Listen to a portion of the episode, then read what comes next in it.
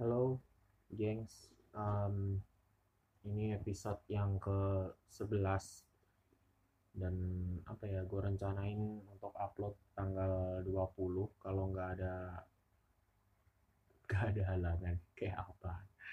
Ya intinya buat tanggal 20 lah ini tuh. So, uh, gue baru mutusin untuk cabut untuk keluar dari aplikasi Anon yang udah hampir berapa ya? Setahun mungkin eh atau setahun atau dua tahun gitu gue mainin uh, gue memutuskan untuk keluar karena ya udah mulai nggak asik gitu. Udah mulai nggak nggak apa ya nggak ya intinya udah mulai toxic gitulah aplikasinya tuh. Karena udah banyak banget hate speech banyak banget apa ya orang-orang yang ya pokoknya menebar kebencian gitulah. Sampai bahkan di di sana tuh ada kayak apa ya sebuah akun gitu yang difungsikan untuk cuma khusus menebar kebencian gitu. Nggak ada kayak pesan yang yang positif di sana gitu nggak ada. Kayak di Twitter tuh ada apa ya ada uh, apa sih yang gue pernah tahu tuh uh, area julid iya uh, iya itu, itu kayaknya area julid atau apalah itu pokoknya. Gue pernah tahu itu dan uh, gue buka di di timelinenya tuh kayak wow orang tuh bisa kayak gini gitu. Kayak ketika mereka udah uh, apa ya kayak misal kalau hewan gitu dirantai dan ini rantainya tuh dilepas gitu. Jadi bener-bener nggak -bener ke kontrol gitu loh sama sekali kayak mereka ngatain orang tuh bisa sampai bawa-bawa ortu bisa ngatain dari mulai cacat mental segala macem.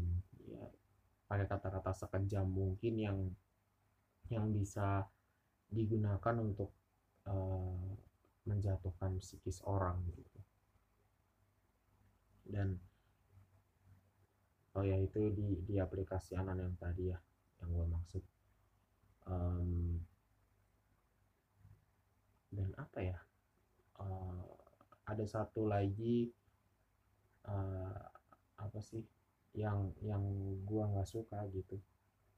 Di situ tuh udah mulai ada I hate this word so much. Ada perspilan gitu. Jadi yang ngebuka aib seseorang untuk jadi konsumsi publik gitu. Kayak ngebuka aib seseorang tuh apalagi biasanya tuh mereka mereka tuh pakai akun yang anonim gitu. Jadi beneran nggak nggak ngebuka identitasnya sama sekali. Kecuali admin yang tahu karena kayaknya IP address mereka di di lock juga jadi cuman admin yang tahu. Mereka ngumbar itu ke publik dan ya jadi konsumsi publik gitu sekali lagi karena ya, masyarakat kita cinta drama ya semuanya didramain. Ya semoga apa ya dengan dengan gua cabut dari situ tuh gue lebih bisa relax gitu. Lebih bisa kayak enjoy aja dengan hidup karena ya gue nggak harus melihat hal-hal kayak gitu gitu. Karena apa ya gue selama ini tuh memegang prinsip bahwa apa yang di dunia maya gitu ya tetap di dunia maya aja gitu. Nggak usah sampai ke bawah ke bawah di real life.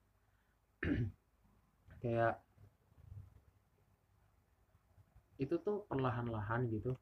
Uh, maksudnya yang yang kayak tiap hari gue ngelihat uh, ada orang nebar kebencian ada orang yang uh, nge-spill gitu-gitu itu mulai mulai berefek gitu ke gue mulai berefek. Jadi uh, alhamdulillah gue di di aplikasi itu nggak pernah ada hate speech segala macem tapi kayak ngelihat hal itu tuh uh, itu tuh udah mulai berefek gitu ke gue karena gue selalu mikir kok bisa gitu ada orang yang sejahat ini? Gitu yang seniat ini untuk menjatuhkan psikis orang gitu. Yang kayak biar dia jatuh ke dalam jurang yang depresi atau segala macam gitu. Jadi ya so I decided to quit. Jadi ya ya intinya semoga baik lah buat gue terus apa ya? Um, gue masih main game jadi hari-hari gue diisi dengan game sekarang. Gue main AoV uh, dan mulai banyak skin-skin yang meracuni gue buat beli. Tapi ya sejauh ini sih gue memutuskan untuk uh, nggak nggak terlalu banyak menghabiskan uang di game sih. Karena ya uh, gue pengennya pure seneng-seneng. Ya meskipun tetap tetap pengen sih kalau lihat kayak skin bagus gitu ya tetap pengen. Cuman uh, gue masih punya kontrol. Masih punya kontrol untuk itu jadi ya alhamdulillahnya nggak nggak pengaruh sih. Dan uh, di game yang gue mainin gue main OV uh, itu ada ada server Vietnam kan. Jadi kayak ada server Indonesia ada server Thailand ada server uh, Vietnam terus Taiwan ya banyak lah gitu pokoknya server-server mereka tuh banyak dan uh, di di Vietnam ini server Vietnam ini kan ada fanpage Facebook gitu ya. Fanpage khusus server Vietnam itu. Tiap ada skin yang yang keluar gitu skin keluar yang bagus sih biasanya itu tuh mereka uh, pasti pakai pakai cosplayer gitu buat promoin skinnya gitu. Jadi kayak ada orang yang bercosplay pakai skin itu gitu. Dulu tuh Indonesia juga pernah kayak gitu tapi apa ya ujung-ujungnya tuh body shaming gitu. Aduh gue nggak tahu kenapa ya Allah. Maksud gue ya apa ya kayak ambil itu sebagai entertain gitu loh. Jadi nggak perlu yang sampai mendetail banget kayak uh, apa ya? Kok ini orangnya hitam sih?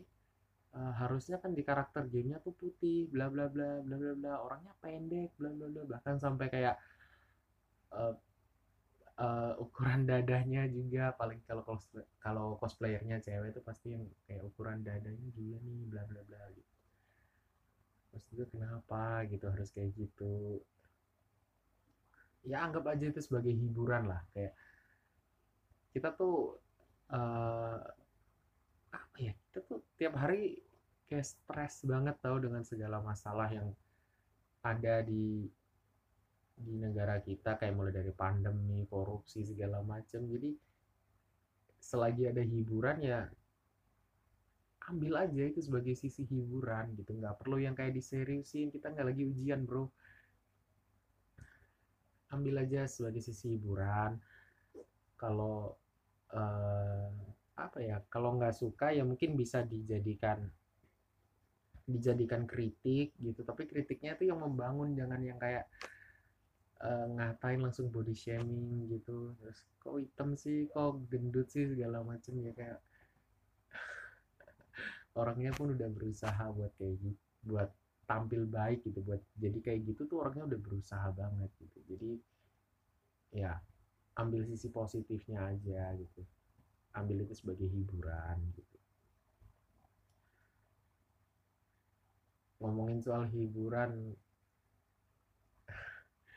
gue pernah denger di podcastnya uh, Deddy Corbuzier.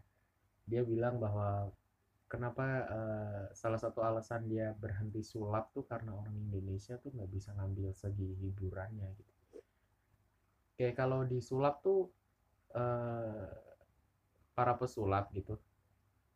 Kata Dedi ya ini para pesulap tuh menciptakan trik gitu kemudian dikasih lihat ke penonton dan kalau trik itu kebongkar berarti dia payah gitu tapi kalau trik itu nggak kebongkar pasti kayak penonton tuh nyari-nyari gitu.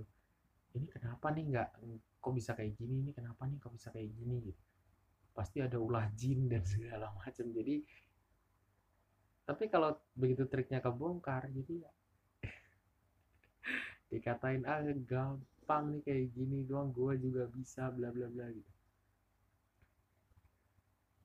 ya maksudnya tuh kayak ambil itu sebagai sisi hiburan aja gitu. Nggak perlu yang kayak dicari-cari tahu banget gitu. Orang namanya sulap aja kan trik gitu loh. Jadi it's all about trick gitu. Jadi nggak perlu dicari gimana sih uh, pemecahan triknya tuh gimana. Nggak perlu dicari sampai sedetail itu. Yes. Just take it gitu loh. Hmm, terus apa ya um, uh, apa tadi gue mau bahas apa ya? Lupa. Oh ya itu termasuk juga ke KKN Desa Penari.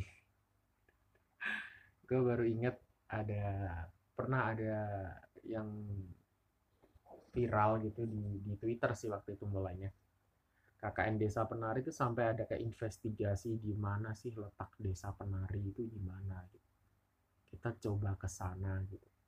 Sampai ada investigasi kayak gitu. Maksud gue gue waktu itu ketika ketika di kerjaan ya ditanyain sama temen gitu gimana nih ada ada KKN desa penari menurut lu gimana gitu ya menurut menurut gue sih gue ngambil itu sebagai hiburan aja gitu tapi kebetulan gue nggak suka cerita horor dan mereka menceritakan menceritakan apa ya garis besarnya itu ke gue gitu. Karena ketika gue baca langsung udah jelas mungkin gue takut jadi lebih baik mereka menceritakan aja gitu.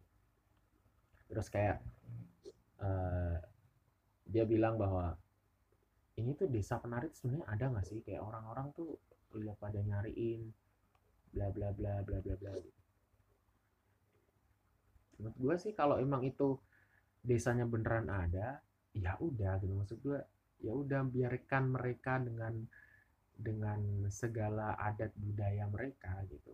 Tapi kalaupun itu hoax ya udah jadiin itu sebagai hiburan aja gitu. Karena pada faktanya gitu cerita itu menghibur karena sampai banyak banget dapat uh, respon gitu kan dari masyarakat. Jadi ya udah jelas itu menghibur gitu. Bahkan banyak yang yang komen uh, minta diangkat jadi sebuah film berarti kan udah jelas itu menghibur gitu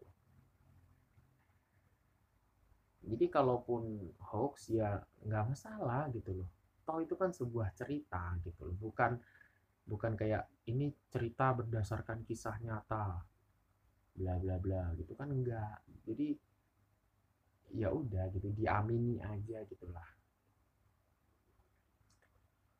kayak nggak perlu nggak perlu sampai pernah waktu itu kayaknya masuk di TV deh ada beberapa kru yang memutuskan untuk investigasi ke mana sih desa penari ini di, dicari berdasarkan ciri-ciri yang yang dijelaskan penulis gitu.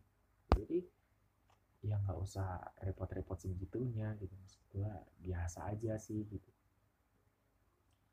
Bahkan sampai ada yang kalau nggak salah waktu itu bikin apa gitu kayak konspirasi soal KKN desa penari gitu di Twitter ya eh nggak tahu lagi lah. Um, game ya ngomongin soal game tuh uh, sekarang Indonesia lagi lagi demam banget soal game. Um, apa ya? Lagi lagi booming banget emang banyak banget uh, genre yang bisa dimainin kayak RPG terus FPS terus MOBA.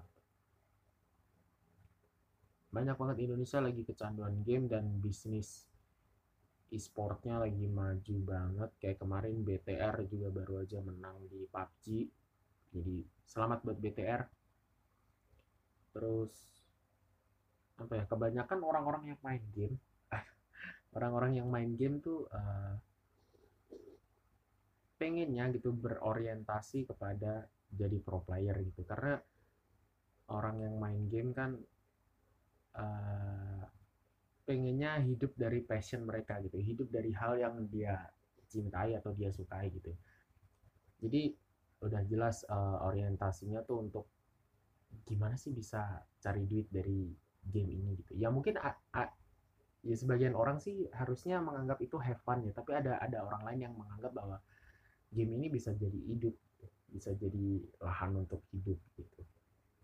Dan mereka berorientasi pada jadi pro player game tersebut gitu. Karena ya seru juga gitu kayak hobi yang dibayar tuh paling seru sih. Kayak kalau misal kita jadi pemain sepak bola gitu atau jadi pemain basket gitu karena pada dasarnya kita suka hal itu jadi ya ya dapat duit dari hobi itu kan ya why not? Itu kan dream became true gitu. Um, terus kalau misal jadi player gitu ya jadi pro player itu kan udah jelas ada tuntutan karena mereka udah udah apa ya udah mengeluarkan duit. Pokoknya uh, kompetitif aja gitu. Mereka akan terus latihan latihan latihan latihan buat biar bisa juara di kompetisi gitu kan. Nah yang kayak gitu tuh kan pasti udah jelas bersinggungan dengan dengan temen satu tim kan. Kayak kalau di sepak bola gitu kan udah pasti ya kita harus akrab sama sama sesama pemain sepak bola gitu. Jadi di game pun juga kayak gitu karena di game kan mengandalkan kerjasama ya. Jadi ya kita harus akrab karena kalau nggak akrab juga gimana gitu. Masa temennya lagi diserang terus kita nggak mau nolongin karena kita nggak akrab gitu kan ya nggak mungkin juga. Jadi ya dari chemistry itulah harus terbangun gitulah. Uh, pernah ada satu satu kejadian gitu dan itu uh, pengen gue ceritain di sini. Jadi waktu itu ada orang gitu. Ada orang yang buka apa ya buka sebuah uh, ruang diskusi gitu. Ketika ketika kita orientasinya udah kompetitif gitu orientasi kita udah kompetitif kita bikin tim untuk ikutan turni gitu. Dan salah satu teman kita ini uh, apa ya mainnya nggak bagus gitu mainnya nggak bagus. Cara menegur yang baik tuh seperti apa sih gitu?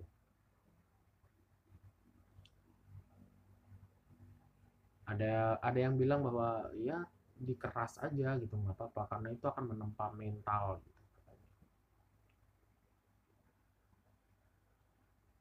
tapi kalau menurut gua sih tetap harus lewat jalur musyawarah sih. Kayak mungkin uh, satu kali dua kali gitu kayak peringatan gitu. Terus uh, ketiga kali teguran agak keras.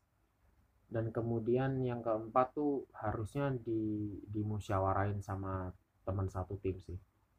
Kayak kalau misal dia ini uh, apa ya?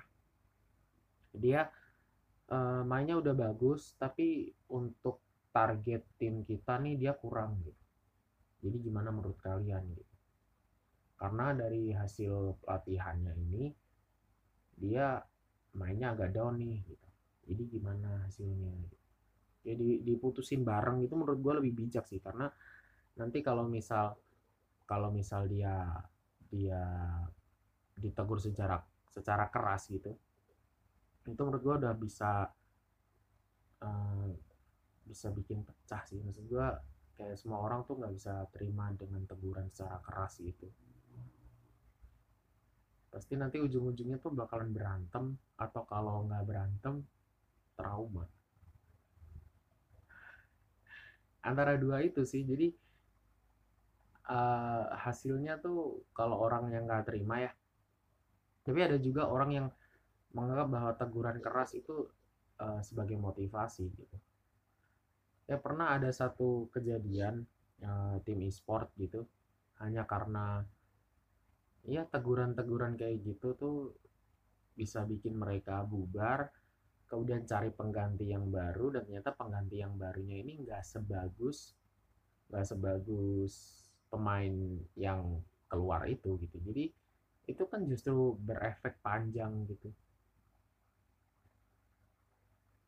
kayak kebayang nggak kalau misal nih uh, Messi gitu satu pertandingan nggak ngegolin gitu. Kemudian dimarahin abis-abisan sama sama Iniesta lah gitu. Karena dia kapten gitu dimarahin abis-abisan terus Messi ngambek Messi cabut dari Barcelona. Buat nyari pengganti Messi ini juga susah gitu. Jadi kayak uh, banyak banget faktor yang harus dipikirin lah sebelum sebelum negur gitu. Ya tapi kalau emang bisa ditegur uh, secara baik-baik dan dia mau berubah ya menurut gua nggak masalah sih gitu. Toh semakin lama semakin lama apa ya semakin lama sebuah tim terjalin gitu udah jelas chemistry-nya udah ada daripada tim yang meskipun dia bagusnya tapi gonta ganti gonta ganti gitu menurut gue lebih lebih susah sih untuk dapat chemistry-nya gitu. Jadi ya itulah intinya.